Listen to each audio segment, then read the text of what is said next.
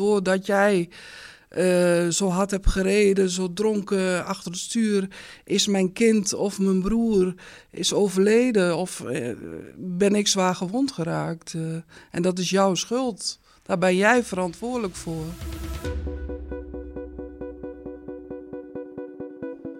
Drank en verkeer gaan niet samen. Dat weet iedereen. Toch gaat regelmatig mis. Een jaar geleden verongelukte een groep van vijf jongeren bij Havelte. Het was 17 april 2022. Mout van 16 uit Koekangen en Erwin van 21 uit Dwingelo kwamen daarbij om het leven. De bestuurder, een destijds jongeman van 19 jaar oud uit Dwingelo, overleefde het ongeluk. Hij had te veel gedronken en reed veel te hard. Je luistert naar de tweede aflevering van Radio Ramkraak. De wekelijkse crime podcast van Dagblad van het Noorden en Leeuwarden Courant. Mijn naam is Jeroen Kelderman en bij mij aan tafel zitten verslaggevers van Dagblad van het Noorden, Danielle Molenaar en Sander Dekker.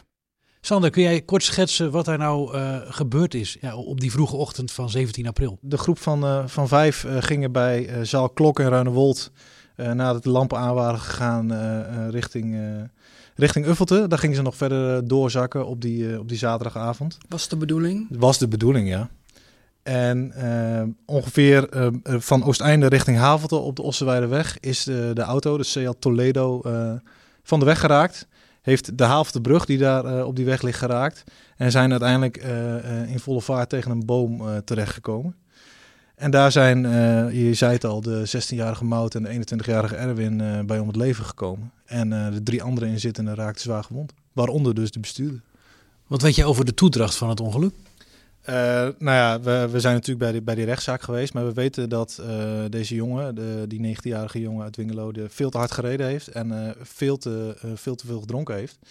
En eh, ze zijn uh, rechts van de weg, uh, onderweg naar Havelte, van de weg geraakt. Het is een, echt een landweg, het is, is echt het, een hè? Landweg. En, ja, je kunt daar een kwartier staan en je kunt niemand tegenkomen. En helemaal s'nachts. Er gebeurt heel weinig. Ik, ik woon er in de buurt. Ik ben ook nadat uh, de politie de pers had gealarmeerd daar naartoe gereden. En uit de verte zag ik al die zwaailichten waar, ik, waar, waar, ik moest zijn. Het is een vrij grote, zeker in het voorjaar is het een vrij grote vlakte waar die, waar die ja. weg in ligt. Ja, ze zijn zeg maar rechts van de weg geraakt met de banden. Uh, toen heeft hij waarschijnlijk uh, teruggestuurd. En daar heeft ze zo'n sweeper van gekregen dat ze aan de rechterkant weer die brug hebben geraakt. Ja, en toen is die auto oncontroleerbaar geworden. Zijn ze aan de linkerkant van de weg uh, met, het, met de bijrijderskant tegen de boom aangegaan met hele hoge snelheid. Ja, met twee doden tot gevolg. Ja, was, de hulp, was de hulp er snel? Nee, de hulp was helemaal niet snel. die mensen in de auto hebben ongeveer anderhalf uur hulpeloos gelegen zonder dat iemand ze gevonden heeft. En een veearts had een, een noodmelding die ochtend, rond half vijf.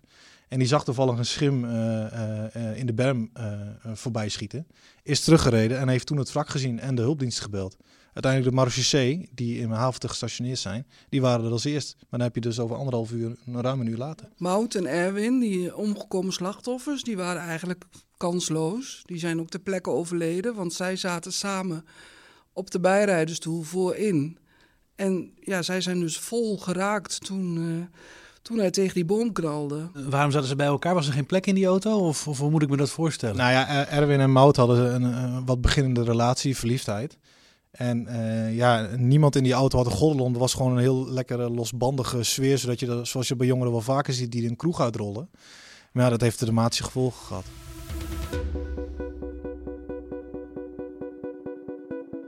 Een zwaar ongeluk waar jongeren bij betrokken zijn, heeft altijd enorme impact. En al helemaal in dorpen waar mensen elkaar goed kennen. Een paar dagen na het ongeluk was er een herdenking bij de boom die door de auto was geraakt. En daar zijn wij samen bij geweest, Danielle. Klopt.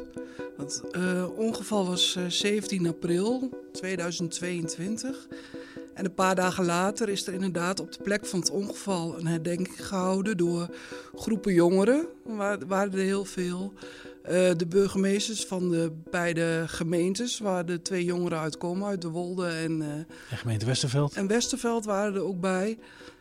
Ja, het was heel indrukwekkend, vond ik. wij gingen daar naartoe om verslag te doen, hadden dat vooraf via de gemeente gevraagd van, uh, is dat gewenst? Mogen wij daarbij aanwezig zijn? Want het was zo'n enorm ongeluk, daar wil je wel verslag van doen als journalist. En heel veel jongeren stonden toen al, ik denk een paar honderd. Uh, heel dicht op elkaar, vlak bij die boom waar ze tegen aangeknald zijn. Ja, wij stonden op 50, 100 meter afstand. Ja, je voelt je wel bezwaard, moet ik zeggen hoor. Dat je... je voelt je wel aangekeken als zijnde, dan heb je die rioolratten heb je ja. ook weer. Dat is dat gevoel. Ja. is niemand die een kwaad woord gezegd heeft tegen ons, maar het voelde gewoon niet goed. Nee. En je houdt afstand, je wilt zoveel mogelijk respect uh, betonen. En uh, ja, maar het was ook heel, uh, heel stil. Zoveel mensen en dan die stilte. De omgeving is sowieso al vrij rustig. Het was allemaal afgezet door de gemeente, dus er kwam ook geen verkeer voorbij. En na een half uurtje, schat ik zo in, kwam, kwamen de direct nabestaanden, de ouders uh, opa, oma, broers, zussen, naast de familie van de omgekomen jongeren. En dan hoorde je in de vette dat uh, hard huilen. Nou, dat kwam wel even binnen. Ging door meer been, ja.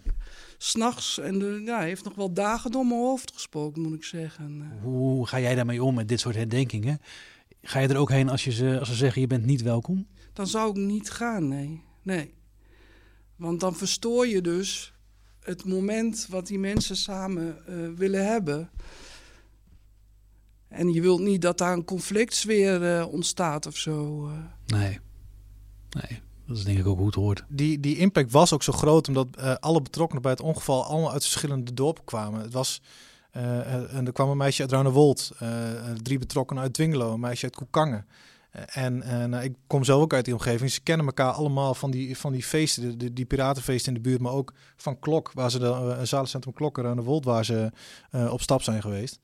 Uh, ik weet nog dat, uh, dat de, de paasvuren in de omgeving allemaal in zeer verzoberde sfeer zijn doorgegaan. Ja, dat gaf wel aan dat, dat de impact echt voor de nabestaanden natuurlijk het allergrootst, maar iedereen daaromheen, iedereen was verslagen, weet ik nog in, mijn, in de omgeving. En dan komt de verwerking en dan is er een bestuurder die te snel gereden heeft. We zeiden het al, die te veel gedronken had. Hoe gaat zo'n ehm, gemeenschap daar dan mee om? Nou ja, dat is uh, uh, in een klein dorp wonen, dat doe ik zelf, is over het algemeen heel prettig. Je kent de mensen, alles gaat zeer gemoedelijk, is mijn ervaring. Maar in zijn geval ja, kan het ook ontzettend naar uitpakken. hij raakte zelf ook zwaar gewond, heeft in coma gelegen. Heeft een behoorlijke tijd moeten revalideren ook. Maar uiteindelijk ja, komt hij ook weer terug in, in zo'n gemeenschap. En wat wij ook wel begrepen uit, uit die rechtszaak is dat hem heel wat dingen worden verweten. Toch weer naar feestjes gaan bijvoorbeeld. Hoe bedoel je dat? toch weer naar feestjes gaan? Nou, hij, ja, zijn leven gaat ook verder. maar hij, heeft ook, ja, hij is verantwoordelijk geweest voor het ongeval waar twee mensen bij om zijn gekomen. Ja, hij, hij hij moest ook verder, maar hij wist niet zo goed hoe moet ik het nou aanpakken. Moet ik mezelf heel erg opdringen aan de, aan de slachtoffers? En moet ik eh, juist het gesprek aangaan? Willen ze me nooit meer zien? Hij zat op zo'n zo'n balans en daar kwam hij heel moeilijk uit. Maar ze hebben natuurlijk ook allemaal gemeenschappelijke vrienden. Er zijn naar een feestje gaat, dan kom je ook mensen tegen die weer familie zijn van de slachtoffers. Ja, en dan zijn de lijntjes heel kort en, en uh, daar, ja, daar worstel hij enorm mee. Ja, het, is natuurlijk, het was ook al vrij snel, ook voor de politie, die onderzoek doen op die plek. Er wordt meteen gestart met een onderzoek. Was al wel duidelijk dat die bestuurder veel te hard had gereden. En uh, ze hebben direct ook bloed bij hem afgenomen. En hij, werd, hij lag in ziekenhuis in coma. Toen hij dus uh, wakker werd, is hem gelijk gevraagd van... mogen we je bloed onderzoeken, want dan moet je toestemming voor geven. Nou, daar was hij eerst niet zo happig op. Maar het kan ook zijn dat hij gewoon ja, nog zelf helemaal verwilderd was van, uh, van het ongeval, zeg maar. Maar toen is dus bloedonderzoek zoek gedaan. En toen bleek ook al heel snel dat hij veel te veel had gedronken. Dus, en dat was ook al heel snel ging dat als een lopend vuurtje rond natuurlijk. En ja, hij was dus de persoon die verantwoordelijk was voor het ongeval. De 20-jarige bestuurder heeft te veel gedronken en te hard gereden met zijn vrienden in de auto. Niemand draagt een gordel en twee jonge mensen komen om het leven. Op donderdag 23 februari 2023, tien maanden na het ongeluk, staat de jonge man die de auto bestuurde voor de rechtbank in Assen.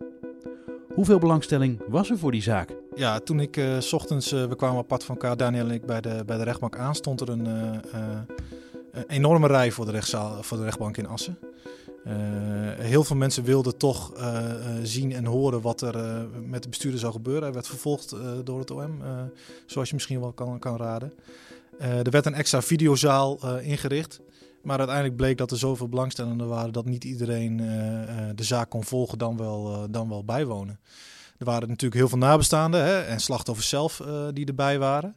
Maar ook familie, vrienden en nou ja, mensen van verder af die dat toch iets van mee wilden krijgen. Dus er was heel veel belangstelling. En wat was het sentiment? Waren mensen boos of uh, voelden ze ook wel medelijden met hem? Ja, of, kijk, je hebt uh, natuurlijk een hele aparte sfeer. Want zoals we straks al zeiden, niet iedereen, maar heel veel mensen kennen de verdachte. Uh, die omgekomen jongen was, die woonde bij hem in de buurt, was ook zijn beste vriend. Dus hij kent zijn ouders, zijn zusjes kent hij ook. Maar toch werden ze heel erg van elkaar gescheiden gehouden. En dat, dat geeft ook al een, ja, een hele gespannen sfeer. En de zaal zat helemaal vol, de grote zittingszaal van de rechtbank in Assen, met nabestaanden en andere belangstellenden. En daarna komt hij dan binnen ja, dat. Uh, dat ja, Raakte het hem? Zag je dat? Of? Uh, nou ja, dat weet ik niet. Want wij zitten met. Wij, ik zie zijn gezicht niet. Wij zitten achter hem. Uh, net als uh, alleen de rechters en de officier van justitie. Die, die kunnen de, een verdachte recht in het gezicht kijken. Maar wat me wel opviel, is dat hij gewoon constant recht vooruit keek niet achterom. Net of hij niet wilde zien of zo uh, wat er achter hem gebeurde. En daar zaten dus allemaal mensen met priemende ogen in zijn rug te kijken. En dan komen hele zware details over het ongeluk. Uh, de hele toedracht, uh, wat de verwondingen waren, dat de mensen dood zijn gegaan. Dat, dat wordt ja, allemaal voorgehouden, zeg maar. En het is voor de nabestaanden allemaal verschrikkelijk om te horen, maar voor hem natuurlijk ook. Uh... Kon hij wel toegeven van, uh, ja, ik had dit niet moeten doen, ik heb het verkeerd gedaan? Dat was een van de eerste dingen die hij eigenlijk zei. Uh, de rechtbank uh, toonde natuurlijk een medeleven met de nabestaanden en ging toen in, nou, in gesprek met, met deze jongen. En hij zei eigenlijk meteen, ik had, ik had nooit in die auto moeten stappen nu ik weet wat er gebeurd is. Uh, dat had gewoon, dat had nooit gemoeten. Maar ja, die jongen die zit daar, uh, die voelt die ogen in zijn rug. Uh, nou ja, we hoorden natuurlijk wat voor jongen het was. Een middelbare school afgemaakt, direct gewoon aan het werk gegaan. Gewoon een jongen van het platteland. En ja, die moet dan opeens over zijn gevoel gaan praten, over wat, er allemaal gebeurd is, hoe hij daarmee omgaat. Ja, daar, nou ja, om te zeggen dat hij er zichtbaar moeite mee had, durf ik niet helemaal aan. Maar ja, ik kan me wel voorstellen dat zo'n jongen daar heel erg bij dichtslaat. Hij deed zijn best. En zijn advocaat zei het ook wel, hij, hij, hij probeert heel veel. Maar het komt er gewoon heel moeilijk uit. En wat zeiden de slachtoffers, uh, of de nabestaanden van de slachtoffers, over, uh, ja, over wat hij gedaan heeft?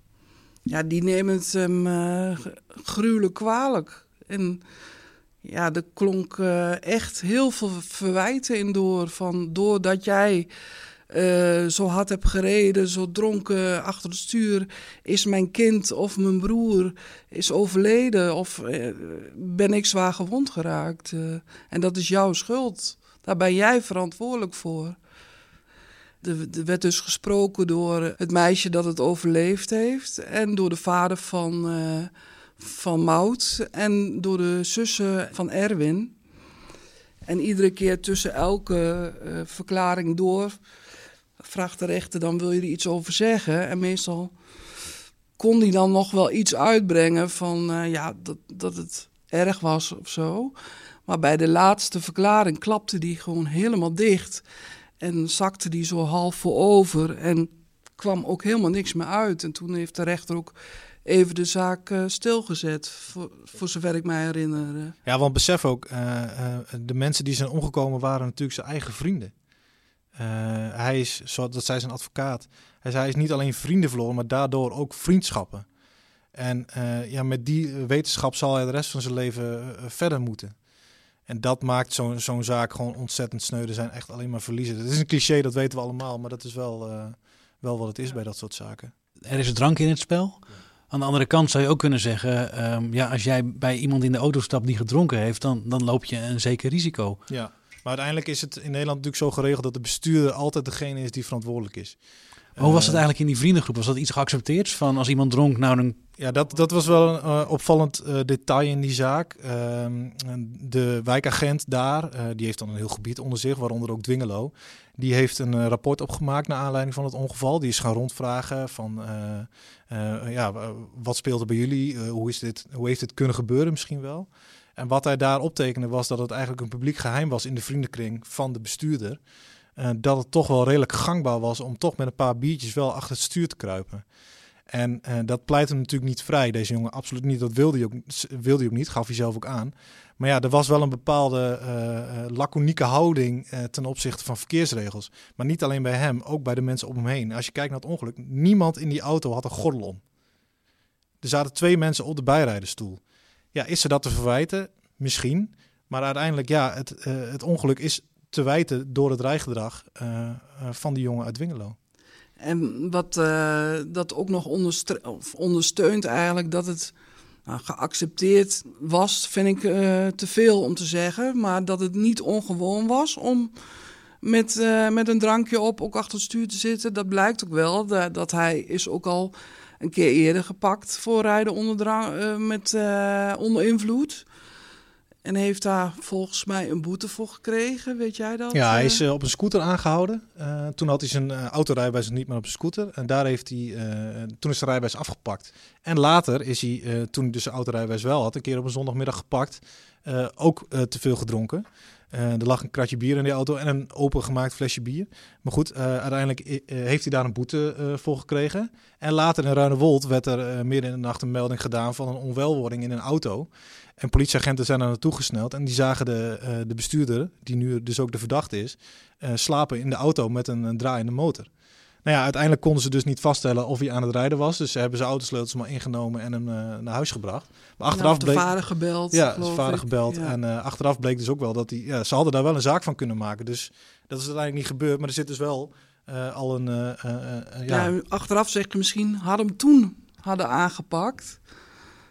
Dat, eh, maar dat is achteraf gepraat. Ja, achteraf kijk je de koe in zijn gat. Dat Ja, is, dat is ook zo. ze. Ja. Maar ja, het wordt vaak pas hard aangepakt als het echt misgaat. Eh, dus daar valt misschien wel wat over te zeggen. Dat je in het voortraject al, eh, al pittiger eh, straft, zeg maar. Jij kent die omgeving goed. Heb jij het idee dat het inmiddels veranderd is? Dat dit ongeluk wel heeft bijgedragen dat mensen beter nadenken? Ja, wa- wat ik begrijp eh, eh, inderdaad wel. Ehm, eh, er wordt wel iets sneller een echt een bob aangewezen. Want wat wij eh, begrepen uit de rechtszaak was het wel... eh, nou ja, met eh, drie of vier bieren, dan, dan kun jij nog wel de, de bob zijn voor vanavond. Dat is wat ik begrijp niet meer aan de orde. Maar ja, de vraag is natuurlijk hoe lang werkt dit door? Komen er misschien generaties die dit ongeval niet meer op het netvlies hebben staan? Nou ja, en gaan die het bijvoorbeeld wel weer doen? We hopen natuurlijk allemaal van niet.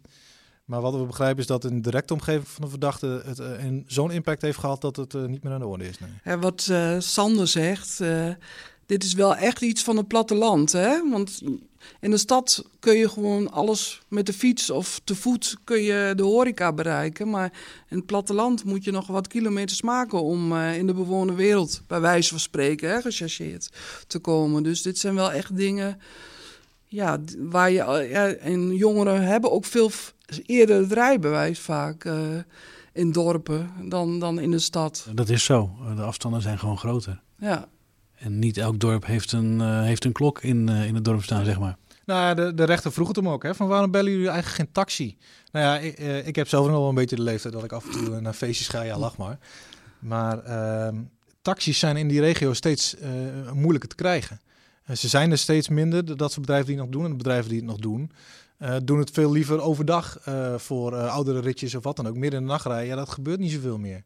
Dus zomaar ergens op de uh, Bonnefoy naartoe gaan op een zaterdagavond, je hebt geen garantie dat je nog thuis komt. Pleit hem ook niet vrij, wil ik natuurlijk ook niet gezegd hebben. Maar ja, dat speelt wel mee. Wat was de strafeis eigenlijk in deze, in, in deze zaak? Nou, die was heel pittig. Hè? Dat, dat is mijn mening. Ehm het was het eh, anderhalf jaar gevangenisstraf werd er geëist. Ja, is dat veel? Er zijn wel twee mensen dood, zeg ik dan. Klopt. Eh, ik vind het heel veel, maar later ben ik me iets meer in. Ik vind nog steeds veel hoor, maar ben ik me in gaan verdiepen. En eh, de wet is veranderd eh, een jaar of drie geleden. En dat kan dit soort verkeersgedrag veel harder worden aangepakt. En ook de maximale straf is verhoogd. Um, maar toch vind ik anderhalf jaar gevangenisstraf, als je bijvoorbeeld relateert aan een zware mishandeling of zo, wat iemand doelbewust doet, uh, iemand op het hoofd rammen en dat iemand ook zwaar gewond uh, raakt. Ja, die kan er met een werkstraf van afkomen wel eens. Hè? Dus dat is dan je ervaring. Dat je denkt, dit is wel, uh, vond ik een hele hoge straf. Ja, hij schrok daar zelf ook best wel van, van die strafeis. Ja, want hij zelf had hij ook gezegd van ik ben wel fout geweest en ik verdien een straf, maar ik ben geen misdadiger. Dus hij vond zelf eigenlijk van, ik hoor niet thuis in de gevangenis. Uh, en ik denk dat de advocaat hem wel van tevoren gewaarschuwd heeft van, er zal wel iets heel hoogs aan zitten komen. Uh. Want waarom was die strafeis zo hoog? Was het ook om een voorbeeld te stellen? Of, of is dit gewoon standaard praktijk in dit soort zaken? Zo kwam het wel uh, een beetje op mij over. Uh, ik had toch wel het idee dat die officier van justitie ook een beetje over uh, het hoofd van, uh, van de verdachte in dit geval uh, heen praten naar mensen om hem heen. Van wat jullie doen, wat jullie deden, dat past niet. we hebben verkeersregels in Nederland op die wegen in de buitendorpen. ga niet met drank op achter stuur zitten. En uh, de wet werkt natuurlijk niet zo dat er voorbeelden gesteld uh, worden. Nou, je hebt, je hebt, wel generale preventie, ja. hè? Dat ze een signaal geven van uh, dit gebeurt er als je dit, dit gedrag vertoont. Dus dat, en dat zie je ook wel met uitgaansgeweld of openlijk geweld of zo. Dat, ze dat, dat is ook een generale. Dat ze naar de, naar de maatschappij laten zien van. Nou, je wordt keihard afgestraft als je, als je dit doet. Uh. Ja, en toch tegelijk ook, zegt zo'n officier van justitie, voor de nabestaanden is natuurlijk geen enkele straf Je, je vroeg het, hè, er zijn twee mensen dood, anderhalf jaar, we hebben het over. Maar ja, deze jongen, uh, dat is ook altijd standaard bij, bij uh, verkeerszaken, waar wij wel bij zitten, is deze mensen hebben het zelf ook nooit gewild. hij heeft niet bewust die brug geraakt. Hij heeft niet bewust die boom uh, geraakt met die auto. Kijk, hij heeft het niet gewild, hij heeft het erna gemaakt. En het is wel een verschil. Kijk, als jij een voorrangsfout maakt of je rijdt iets veel te hard, dan kun je ook iemand aanrijden. En dan heb je mazzel of pech dat iemand zwaar gewond raakt of zelf overlijdt. Maar dat is wat anders natuurlijk. Als je zoveel te veel gedronken hebt voor een beginnende bestuurder en je rijdt zoveel te hard. Uh. Hoe komt zo'n officier van justitie dan bij zo'n hoge straf? Die heeft daar ook redenen voor, toch? Behalve ja, dan... ze kijken naar van uh, hoeveel alcohol had hij op. Dat was, bleek dus uit dat bloedonderzoek 6 tot 10 keer te veel voor een uh, beginnend bestuurder. En uh, er was minimaal 110 kilometer per uur gereden. ja, 105. 105. Op een weg waar je hoe hard mag? 60. Op een weg waar je 60 mag, ja. Dus dat weegt ook mee. Kijk, als je 5 kilometer te hard rijdt, is wel een verschil. Of jij meer dan 40 kilometer uh, per uur harder rijdt dan toegestaan. Ja, en hoe heeft de rechter dit uiteindelijk beoordeeld? Nou ja, de rechter heeft uh, uh, gekozen om voor de zwaarste vorm van schuld te gaan bij dit soort dodelijke verkeersongevallen. Er zijn verschillende gradaties in. Maar de rechtbank heeft vastgesteld dat er sprake was van roekeloosheid. Hè? de hoeveelheid alcohol, maar ook de forse snelheidsoverschrijding. Uh, ja, dat heeft, heeft eigenlijk gemaakt dat deze jongen uh, nou ja, de zwaarste vorm van schuld aangerekend moet worden. Maar de rechtbank komt er tegelijk ook op uit dat deze jongen voor het jeugdstrafrecht moet worden veroordeeld. Hij was natuurlijk 19 jaar. Toen hij voor de rechtbank zat, zelfs 20. Dan kun je denken, ja, dan is hij niet minderjarig. Waarom doe je, doe je zoiets? Maar ja, hij is door de reclassering zo geschat dat hij, nou ja, in zijn doen en denken uh, toch wel overkwam als, een, eh, als een minderjarige. Dat, je kunt dus, uh, je hebt min, meerderjarig ben je eigenlijk vanaf je achttiende, maar je hebt ook nog adolescentenstrafrecht.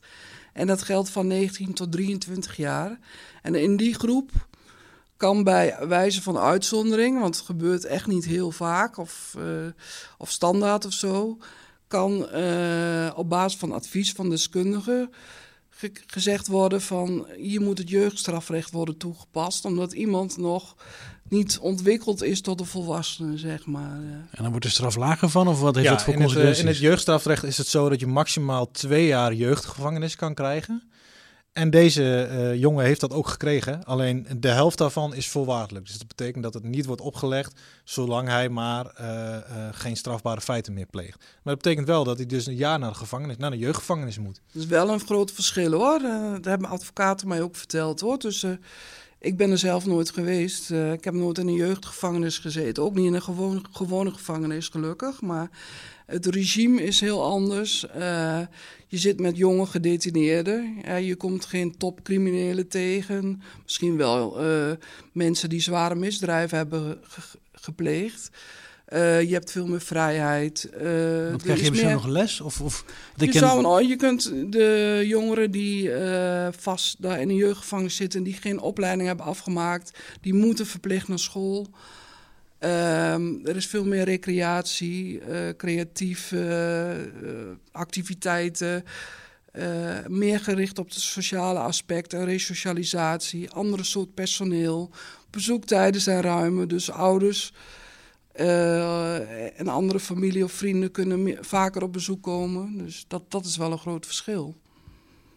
Maar um, je schetst het bijna alsof het nou ja. Je zit wel achter vier muren en je mag er niet uit. Nee, krijg je, ook een strafblad? Je krijgt zeker een straf. Dat, dat, uh, dat maakt niet uit.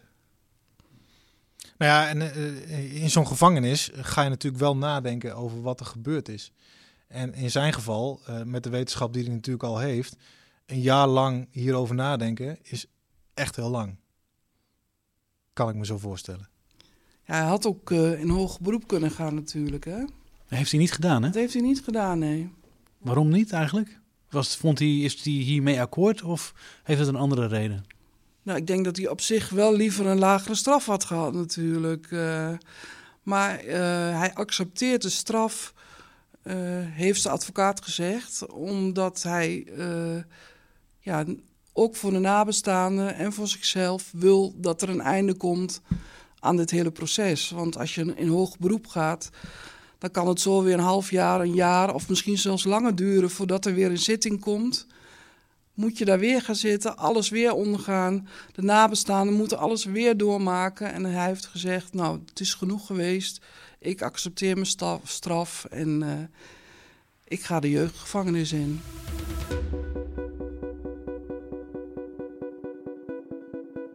Als je dit nu vergelijkt met, met, met soortgelijke zaken, is dit dan inderdaad wat je zei, zo'n hoge straf? Of is dit wel iets wat je tegenwoordig vaker ziet? Ja, onlangs had je die zaak van uh, die, die voormalig voetballer van Heracles. Ryan Vloed? Ryan Vloed, ja. Ryan, ja, Ryan Vloed. Ryan Vloed. Uh, voetbalt nu geloof ik ergens in Rusland of zo. Was wel teruggekomen voor de rechtszaak. Daar zou hij berouw hebben getoond. Dat had de rechter meegewogen in, in, uh, in het oordeel. Maar er was 3,5 jaar gevangenisstraf geëist. Hij had, hij had uh, met uh, bijna 200 km per uur een uh, auto met een gezin van achter aangereden. Met te veel drank op. En een jongetje van, nou ja, in ieder geval een heel jong jongetje overleden. Vier, dacht ik. Ja, ja vier, vier of vijf jaar ja. is overleden, inderdaad. En hij heeft 2,5 jaar gevangenisstraf gekregen. Is het nou iets wat, wat helpt? Moeten we zwaarder gaan straffen? Voorkomen we dit soort dingen daar dan mee? In jullie beleving? Vind ik moeilijk. Uh, want aan de ene kant kan ik me helemaal denken, hè, wat jij ook zegt. Uh, ja, er zijn twee mensen dood. Uh, dan gaan we twee jaar of een jaar celstraf opleggen. Dat kan nooit genoeg zijn. Maar ja, naast dat deze straf wordt opgelegd, gaat ook een verzekeraar een hele hoop geld terugclaimen bij deze jongen. Van eh, de hulpdiensten bijvoorbeeld alleen al. Hè, hij wordt veroordeeld voor rijden met, met drank op. Dus ja, dat is ook een straf. Daar zal hij misschien ook de rest van zijn leven voor Dat moet je misschien even uitleggen, want hij heeft toch een autoverzekering? Ja, hij heeft een autoverzekering, maar op het moment dat, je, dat de verzekeraar geld moet betalen door wat jij gedaan hebt, maar blijkt uh, dat het uh, een misdrijf is geweest, in dit geval heb je gereden uh, onder invloed, dan zegt de verzekeraar, ja, maar dan gaan we, dat, willen we, dat geld willen we gewoon terug. Dus die claim zal op hem komen te liggen. Hoe hoog die is, weten we natuurlijk in dit geval allemaal niet. De nabestaanden hebben ook geen schadevergoedingen en dat soort dingen geëist. Maar ja, hij zal toch een soort van betalingsregeling moeten treffen. En wie weet, wie, weet hoe lang dat gaat duren. Dus dat is ook nog weer een extra straf. Naast wat we al vaker gezegd hebben, deze jongen moet de rest van zijn leven door met het feit dat hij twee mensen de dood in heeft gereden. Goede vrienden van hem. Tot slot, Sander. Die jongen komt op een gegeven moment over een jaar weer vrij. Of in ieder geval als hij zijn straf uitgezeten heeft. Ehm, ja, dan kan die beter verhuizen, denk ik, als ik het zo Ja, dat, even heel plat mag wat zeggen. ik, wat ik heel veel om me heen hoor. Dat die jongen, eh, ja, die jongen is zijn leven zo goed als kwijt daar. Eh, daar heeft zijn advocaat ook wel het een en ander over gezegd. Hij is er natuurlijk ook kapot van. En ja, dan heeft hij eh, hopelijk zijn, zijn lesje wel geleerd. Maar hoe hij zijn verdere leven op moet pakken, ik zou het niet weten. Ik ga hem zeker niet adviseren verhuizen naar de andere kant van het land. Dat, dat, dat, dat is niet aan mij. Maar ik zou ook niet weten hoe ik verder moest. Maar denk je dat, eh, dat hij weer opgenomen wordt in die, in die samenleving? In Ik hoop het van harte voor hem. Absoluut, want dat, dat, dat was dat tot het ongeluk. eh, was dat zijn leven. De, eh, zijn ouders hebben ook tegen de politie wel gezegd: er is een. de bestuurder eh, Z, laten we even zo noemen. Er is een Z voor het ongeval en een Z na het ongeval. En ik hoop enorm dat hij zijn leven weer kan oppakken. Maar ik vraag me af hoe. Sander Dekker, Danielle Molenaar, verslaggevers bij Dagblad van het Noorden. Dank jullie wel. Dit was de tweede aflevering van Radio Ramkraak, de wekelijkse crime podcast van Dagblad van het Noorden en Leeuwarden Courant. Mijn naam is Jeroen Kelderman en ik bedank je voor het luisteren.